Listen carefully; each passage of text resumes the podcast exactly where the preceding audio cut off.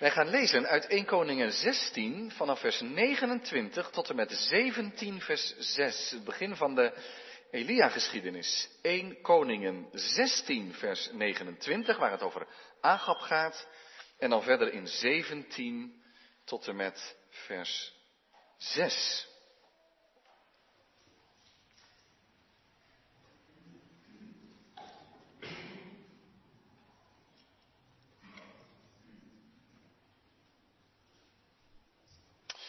We beginnen dus te lezen in 1 Koningen 16, vers 29.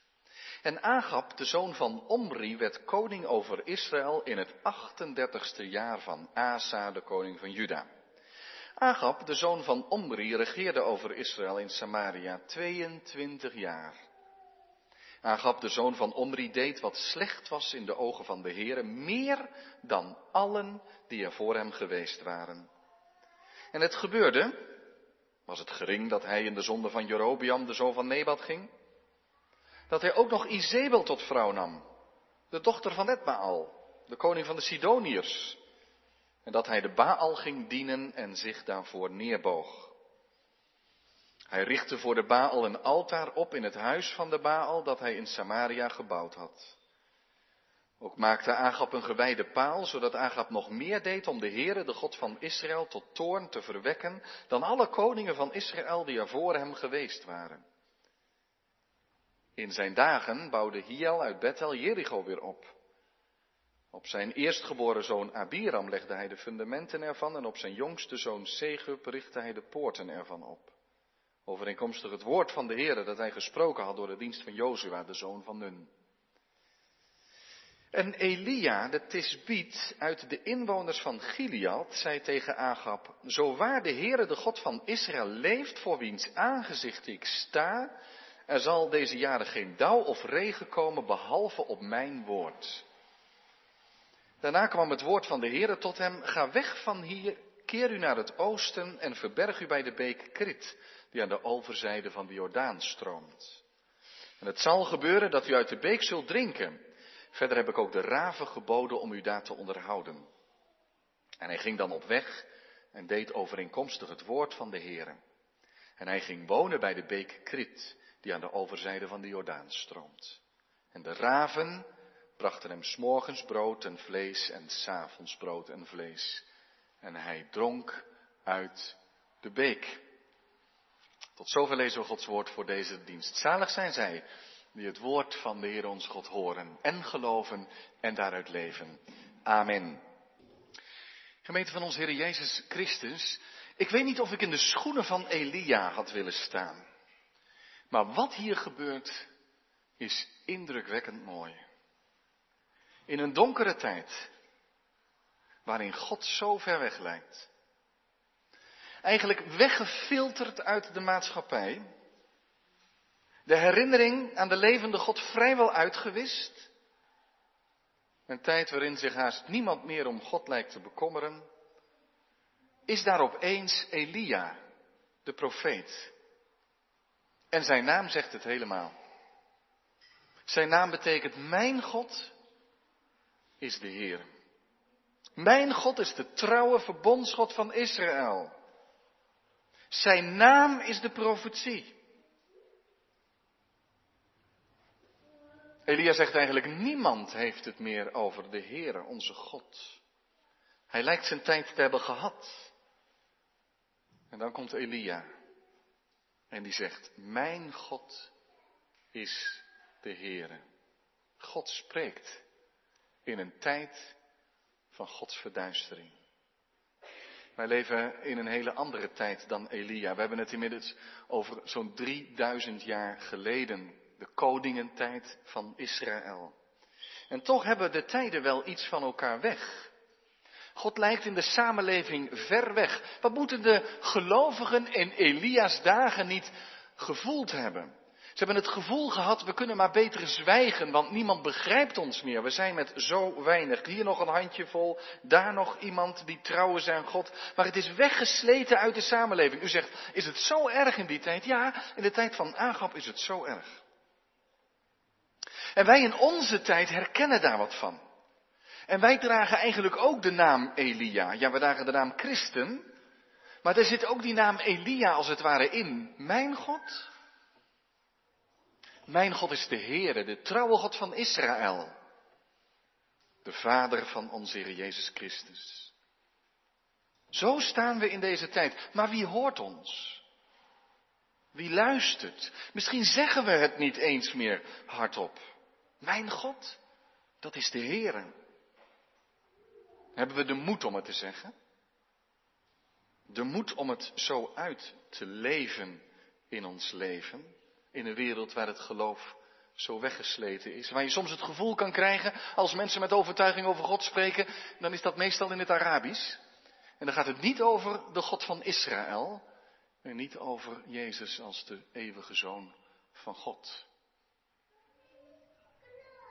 En als het christelijk geloof nog ergens in symbolen en kunst enzovoorts gestalte krijgt, dan is het ook niet altijd dat krachtige getuigenis. Mijn God, dat is de Heer. Hij leeft. Hij is er echt. Klinkt het door in ons leven? Is het ons levensmotto? Mijn God, mijn hoop, mijn houvast is de Heer. Ik dien zijn zoon en zijn koninkrijk. Nu laten we eens kijken hoe God dan spreekt door zijn profeet Elia. Het thema voor de preek is Elia, mijn God is de Heere. Elia is zonder meer een ongelooflijk belangrijke profeet. Hoe kom ik daarbij? Kent u die geschiedenis van de verheerlijking op de berg? Als Jezus op die berg van de verheerlijking is, dan verschijnen daar twee mensen rondom hem, Mozes en Elia. Waarom zij? Mozes, het gezicht van de Torah, de wet van God. En Elia, het gezicht van de profetie. Maar Elia heeft geen eigen Bijbelboek gekregen. Als ik eh, tegen u bij binnenkomst had gezegd, we gaan het over Elia hebben, vertel me even welk Bijbelboek moeten we zijn, dan, dan, dan denk ik dat de meesten toch even nadenken van, hè, hoe zit dat ook alweer? Want er is natuurlijk geen Bijbelboek Elia, 1 Elia, 2 Elia of zo. Je vindt het ergens in de koningengeschiedenis, geen eigen Bijbelboek. En als je nou zegt, schrijf nou eens alles op een rijtje wat die Elia geprofiteerd hebt, dan is het niet zoveel. De profetie die wij in het eerste vers lezen, dat is een half Bijbelvers en dan is het ook weer, dan is die ook uitgepreekt. Dan gaat hij weg. En als ze hem vragen, kunnen we nog een vervolg aan geven, want het zal toch wel niet, de soep zal toch wel niet zo heet gegeten worden als die wordt opgediend. Elia kan ietsje minder, dan is die gewoon onvindbaar. Ze moeten met dat ene regeltje profetie doen. Kort en krachtig is zijn boodschap. En eigenlijk is heel zijn verschijning de boodschap zelf. Hij lijkt wel wat op Johannes de Doper. Misschien moest hij ook wel direct aan hem denken, Johannes de Doper. Want Johannes de Doper wordt wel de Elia genoemd die komen zou. Malachi 4, slothoofdstuk van het Oude Testament zegt dat voordat Gods grote beloften in vervulling gaan, eerst nog de profeet Elia zal komen. Zo iemand als Elia, die zal gaan in de geest en kracht van Elia. Dus een krachtige oproep om terug te keren tot God. En dat zien we Johannes de Doper doen voordat de Heer Jezus komt. En zo is ook Elia. Een man met een bekeringsboodschap. Keer terug tot God. Vergeet hem niet langer. Elia moet naar Agab. We zijn begonnen te lezen in hoofdstuk 16 over Agab, die koning is in het noordelijke rijk, de tien stammen daar. Het zuidelijke rijk is nog afwisselend. Heeft een godvrezende koning of een goddeloze koning, maar het noordelijke rijk heeft eigenlijk geen enkele koning gehad die de Heere diende. De een maakt het nog erger dan de ander. En Agab spant de kroon. Kijk maar eens mee in vers 30. Agab, de zoon van Omri, deed wat slecht was in de ogen van de Heer, meer dan allen die voor hem geweest waren. En alsof het nog niet genoeg was, trouwt hij ook nog met Izebel. Een buitengewoon goddeloze vrouw, die echt een campagne, campagne gaat voeren om het geloof weg te laten gaan in Israël. Het moet anders. We hebben wel een geschiedenis als een volk van God, maar daar zijn we los van. Vergeet Jeruzalem, vergeet de Heere God, vergeet de God die ons in het land gebracht heeft. Is dat de reden waarom opeens iets over Jericho staat? Dat niet in het noordelijke rijk lag? Jericho, waarvan de muren gevallen waren. En de Heer had gezegd, je mag de stad niet opbouwen, al zou dat natuurlijk op die plek wel strategisch geweest zijn om een sterk fort te hebben, maar de muren moesten laag blijven als herinnering dat het God is die beschermt en die helpt. En er was gezegd, wie die stad op gaat bouwen, die zal dat weten ook. Ook aan zijn kinderen. En daarom staat er dat de fundamenten op de naam van zijn ene zoon gebouwd zijn en de poorten op de naam van zijn andere zoon. Die zijn blijkbaar gestorven tijdens de werkzaamheden, zoals God ook gezegd had. Maar wat doet Agap? Hoezo bemoeit hij zich met Jericho? Agap is bezig om alle dingen die nog eraan herinneren dat er een levende God is, weg te gummen. Er mag geen herinnering zijn meer aan God. Het is passé. Geloven is iets van vroeger. Maar nu, nu weten we beter. En daar komen natuurlijk andere goden bij Agap voor in de plaats. Baal, de heidense god van regen, vruchtbaarheid, vuur en oogst. Zijn er dan geen gelovigen meer in die tijd? Jawel, maar niet zoveel meer. Een paar hoofdstukken verder zullen we Elia nog wel tegenkomen, moedeloos. En die zegt, ik ben nog als enige overgebleven. En dan blijken er nog 7000 te zijn die hun knieën niet voor Baal hebben gebogen. Maar dat Elia ze niet kende zegt ook wel wat. Je vindt ze haast niet meer. Alle gelovigen zijn verlegen geworden. Ze zwijgen maar. Waarom zou je er nog over spreken? Mijn buren die kunnen er niks mee. Die hangen Agap aan en zijn goden. Laat God het daarbij? Nee dus. In die tijd staat opeens Elia voor de poort van het paleis. Hoezo? Waar komt hij vandaan? Wij lezen daar hier niks over. Niks over een roeping van Elia, dat God tegen hem gezegd heeft, Elia, ik wil jou gebruiken in mijn dienst. En dat er een soort gesprek ontstaat, wat je wel bij Mozes leest en bij Jeremia leest. Maar bij Elia niet. Zijn afkomst is ook een beetje onhelder. Hij komt uit de stad Tisbe, niemand weet wie waar dat ligt. Ja, in Gilead, oké okay, Gilead, dat is in het overjordaanse, een beetje op de grens van het beloofde land, waar het beloofde land al overgaat in de woestijn, die nergens bij hoort. Het is eigenlijk een nobody from nowhere. Elia. Maar wat telt is dit? Hij zegt tegen de koning, ik sta voor Gods aangezicht. Dat telt. Die voor Gods aangezicht sta. Ik sta voor Gods aangezicht. Ik ben hier niet op mijn eigen houtje gekomen. Ik ben hier met een woord van de Heer. Ik weet dat ik zijn woord spreek. En dan kun je natuurlijk afvragen, weten we daar iets van dan hoe dat gegaan is? Nu, in 1 Koningen lezen we dat niet. Maar u kent misschien die tekst uit Jacobus 5, vers 17. Maar staat, Elia was een mens net zoals wij en hij deed een vurig gebed dat het niet zou regenen. En het regende niet op de aarde drie jaar en zes maanden. Dat lezen we niet in 1 Koningen 17. Je komt dat tegen in Jacobus 5. Dat Elia op een zeker moment in een vurig gebed de Heere God heeft gevraagd, Heere God, alstublieft, laat het niet langer regenen en hou de dauw in. Elia staat op een zeker moment gaan bidden. En ik denk, en denkt u maar mee, dat Elia zo iemand is die trouw was aan God. En die op een gegeven moment daar zo mee gezeten heeft dat hij om zich heen steeds minder gelovigen aantreft. En dat hij ziet dat die koning alles doet om de naam van de Heer weg te nemen uit het volk en de, de afgodsbeelden en de Baals ervoor in de plaats te brengen. En dat heeft hem geraakt en hij is gaan bidden en heeft gezegd, Heer, het is toch uw volk. Dit kan toch niet? En dat er niks gebeurt, dat ze dat zomaar kunnen doen, de Heer inruilen voor de Baal en alles gaat zijn gewone gang.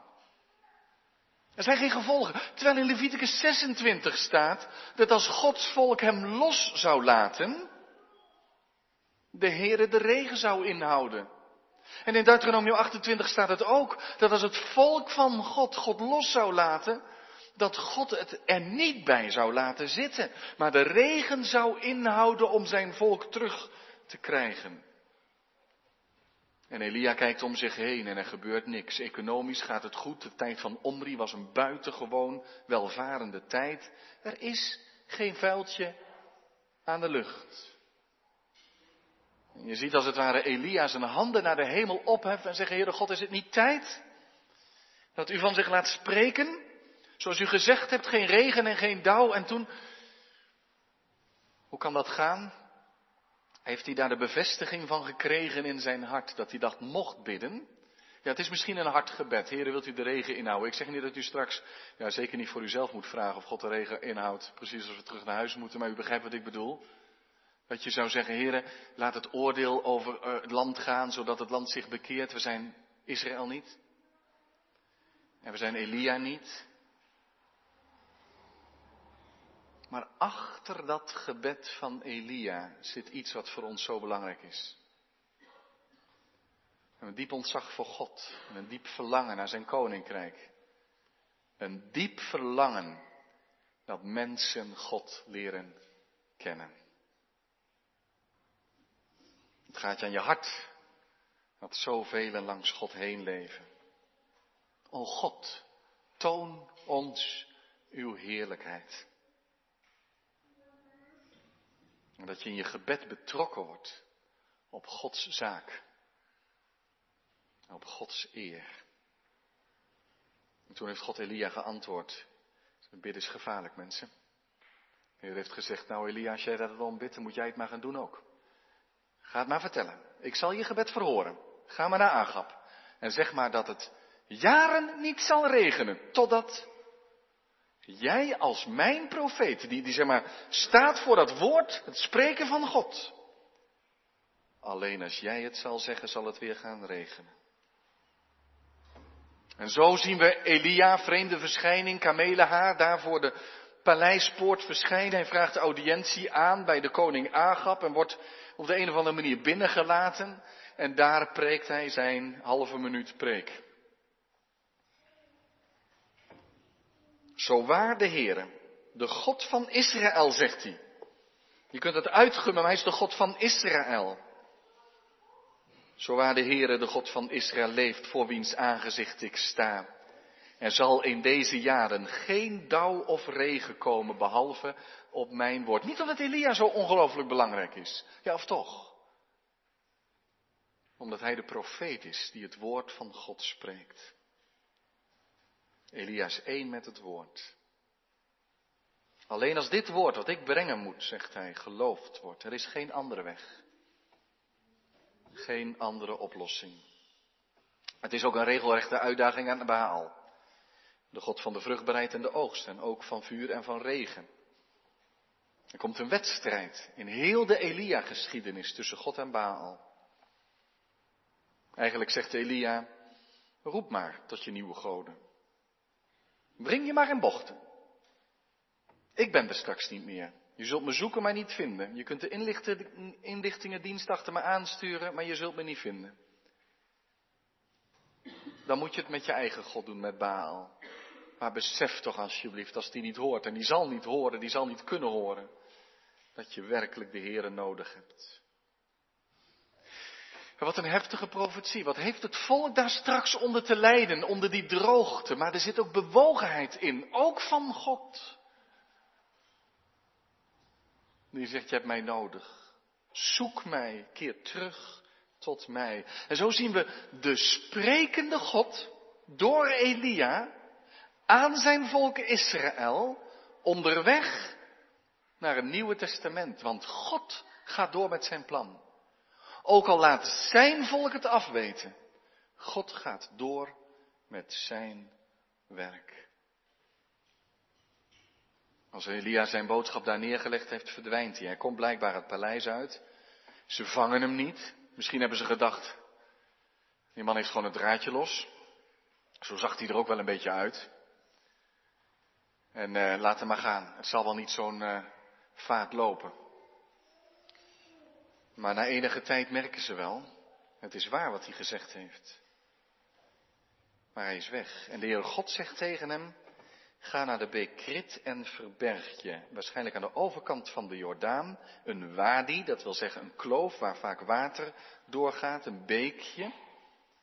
En daar moet je naartoe. Opmerkelijk dus dat in het paleis het moeten doen met die korte preek die als het ware nagalmt. Waarom haalt de Heer zijn profeet Elia daar weg? Ik denk dat het hier, misschien straks nog een reden, maar dat dit de hoofdreden is dat ze het moeten doen met die boodschap. Want hoe gaat dat vaak bij ons? Herken je dat zelf ook niet? Dat als je een scherpe boodschap van God krijgt, dat er iets in jezelf aan het onderhandelen wil gaan. Ja, heren, dat, dat heb ik wel oké, maar is het ook niet een beetje zus en een beetje zo? En voordat je het weet, probeer je van de gehoorzaamheid iets af te doen. We onderhandelen zo graag. Maar de Heere God zegt, met mijn profeet hoef je niet te onderhandelen. Je moet niet naar Elia gaan om te vragen, Elia, kun je dat even voor ons regelen, ook zonder dat wij ons bekeren, want dat hadden ze graag gewild. Later komen Agap en Elia elkaar tegen en zegt, je bent de beroerde van Israël. Al die ellende hebben we aan jou te danken. Elia, los het voor ons op, maar zonder dat wij ons bekeren. Nee, zegt de Heere God. Er is één weg één goede weg. En dat is dat je tot inkeer komt en zegt, Heer, hier ben ik. Leer mij luisteren naar uw stem.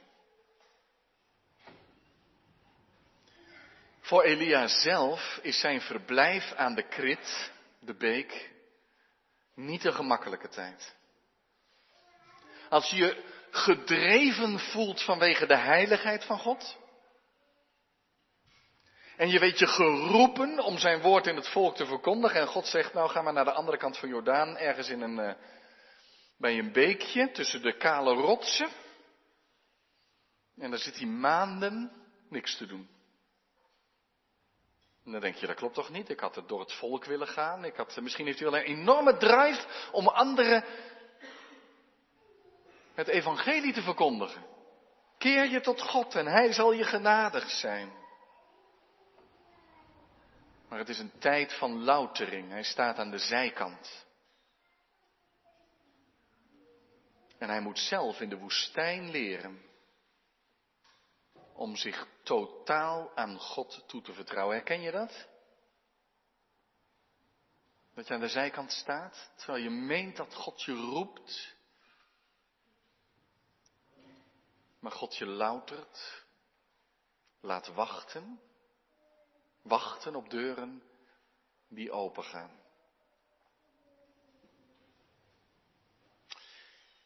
Hij zit er bij een beek die kan uitdrogen. Gaat ook gebeuren, zullen we een volgende keer zien.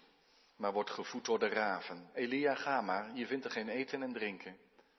Maar ik zorg dat het goed komt. Ik stuur daarvoor raven. Raven, de vuilnisbakken onder de dieren. Ja, echt van die aasdieren, prooidieren. Reken maar niet dat het tot hun gewoonte behoort om brood en vlees te gaan brengen aan iemand, s morgens en s avonds. Dat houden ze liever voor zichzelf. Nou, dat zou wel heel wonderlijk zijn, maar Elia gelooft het en moet vertrouwen. Elke keer weer. Alsof Elia als het ware namens het volk Israël terug de woestijn in moet. Waar Israël vroeger van Gods hand leefde. Van brood en vlees, manna en kwakkels in de woestijn. Elia, vergeet je naam niet. Mijn God is de Heer. En hij gehoorzaamt. En zie je, daar gaat zijn profetie verder. Hij spreekt niet meer. En toch klinkt de profetie. Als jouw God de Heer is, kom je niet beschaamd uit. Kijk maar naar Elia. Hij gehoorzaamt. Gaat een weg van onmogelijkheid, komt er bij de bekrit te zitten, zonder eten en het drinken kan opdrogen. Maar hij vertrouwt op God. Ik zei, Johannes de Doper lijkt op Elia en Elia op Johannes de Doper. Een profeet onderweg naar de Heer Jezus Christus. Een profeet die in dagen van Gods verduistering spreekt en oproept, maak je klaar, keer je om tot God. Kan dat Gods woord voor ons zijn in deze dienst. Een woord van aansporing. Keer terug tot God. En een woord van bemoediging. Want wie Hem volgt, komt niet bedrogen uit. God gaf zijn Zoon Jezus Christus, het brood des levens en het levende water. En wie dat eet en drinkt, die zal niet meer hongeren en dorsten tot in eeuwigheid. Zullen wij het zeggen? In woorden, maar zeker ook in heel ons leven. Mijn God is de Heer. Onthoud dat vandaag. Maak het je eigen. Zeg het en bid het en beleid het. Mijn God is de Heer. Dat geeft mijn leven richting. Voor veel mensen in onze tijd is het prima dat de Heer uit hun leven verdwenen is. Maar in deze wereld zijn wij geplaatst en gezonden. Om dat in ons hart met ons mee te dragen en zo te leven. Mijn God is de Heer. Je hoeft niet als een profeet naar het paleis. Je hoeft er zelfs geen profeet, domino of wat ook voor te worden. Midden in je leven. Midden in deze tijd mag je zeggen, hier sta ik. Ik kan niet anders. Ook ik mag, net als Elia, voor Gods aangezicht staan. De God die ik ken. De God die ik dien. De God die ik vertrouw. De God die trouw is aan zijn volk. De God van geduld. De Vader van onze Heer Jezus Christus. Hem eer en dien ik. Ja, als ik voor zijn aangezicht sta, dan zeg ik zelf dat is zijn vriendelijk aangezicht. Die ons is gaan lichten in Jezus Christus. Mijn God, mijn God is de Heer. Amen.